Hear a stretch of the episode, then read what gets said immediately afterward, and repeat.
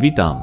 Nadeszła pora na kolejną grupę postaci historycznych, a tym razem będzie mowa o polskich piratach. Ale nim to nastąpi, myślę, że na początku warto wyjaśnić, kim byli piraci i jak się nimi stawali, bo możliwości było wiele, na co sami piraci niekoniecznie mieli wpływ.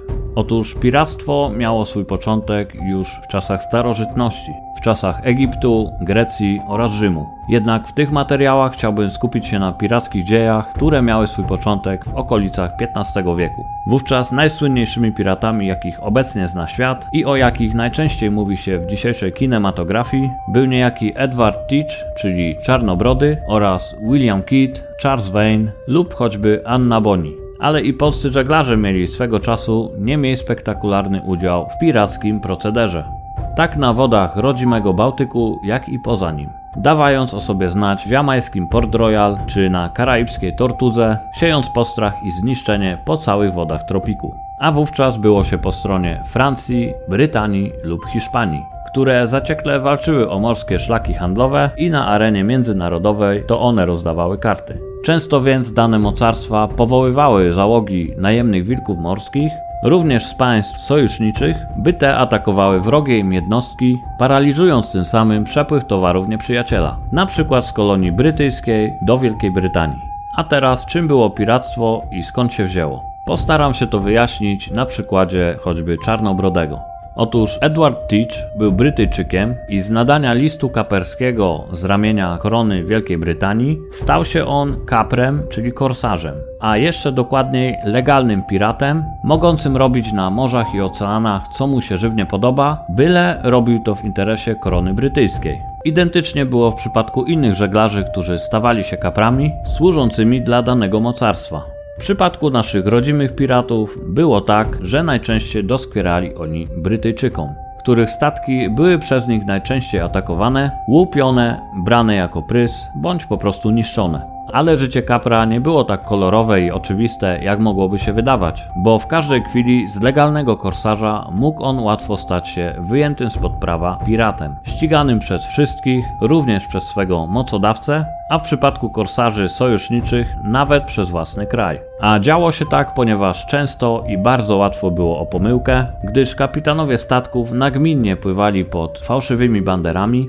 by tym samym unikać ataków wrogich jednostek. Wówczas zdarzało się, że taki kapitan, na przykład kapitan francuskiego statku kaperskiego, będąc przekonanym, że ostrzeliwuje statek marynarki brytyjskiej, dopiero po całej bitwie i abordażu dowiadywał się, że tak naprawdę zaatakował własność Napoleona bądź jednostkę sojuszniczą ale było to ryzyko wpisane w tę profesję i jeśli takie wydarzenie miało miejsce, a zdarzało się to często, to wówczas nikt nikogo nie pytał, czy był to nieszczęśliwy wypadek, a odpowiedzialni za to tracili list kaperski i z miejsca stawali się wyjętymi spod prawa piratami, na których czyhał jedynie stryczek.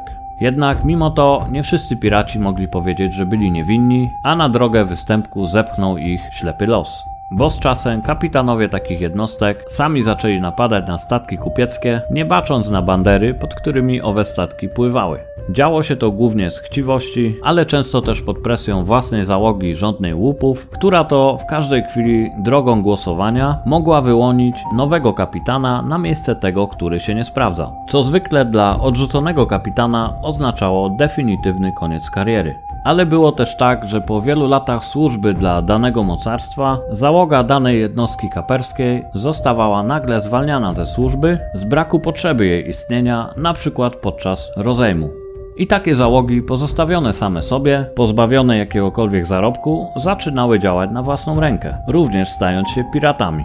Jednak co by o piratach nie mówić, to warto też wspomnieć, że to właśnie statki pirackie były zalążkiem demokracji, bo to na ich pokładzie przeprowadzano pierwsze wybory oraz panowała względna równość a pod banderą wesołego Rogera nie pływali jedynie biali marynarze, do czego od dziesiątek lat przyzwyczajało nas kino. Bo piraci często napadali na statki niewolnicze, po czym brali do swych załóg przewożonych tam niewolników, którzy na statkach pirackich ponownie otrzymywali wolność, a tym samym okazję do dorobienia się oraz przede wszystkim możliwość zemsty na swych oprawcach co przerażało handlarzy niewolników, którzy często widząc taką załogę, pozwalali przejąć swoją jednostkę bez choćby jednego wystrzału.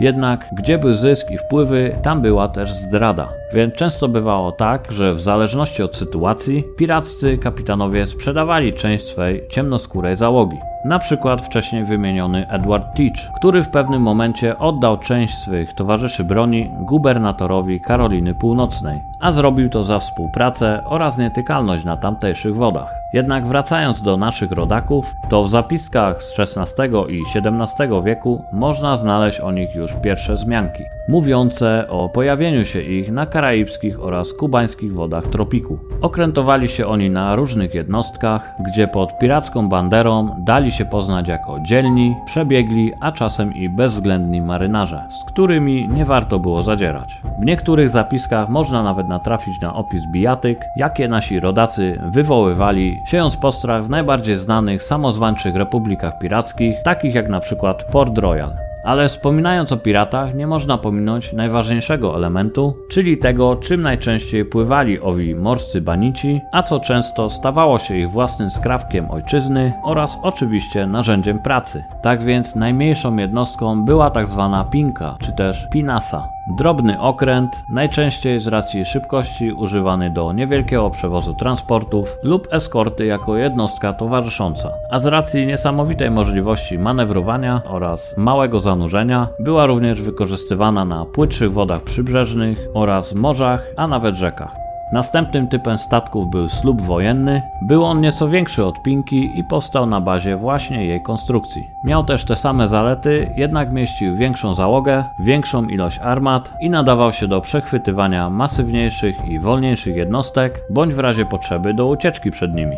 Tak więc slub był najczęściej używany przez piratów, tym bardziej, że większość z nich właśnie na tych jednostkach zaczynała jako korsarze.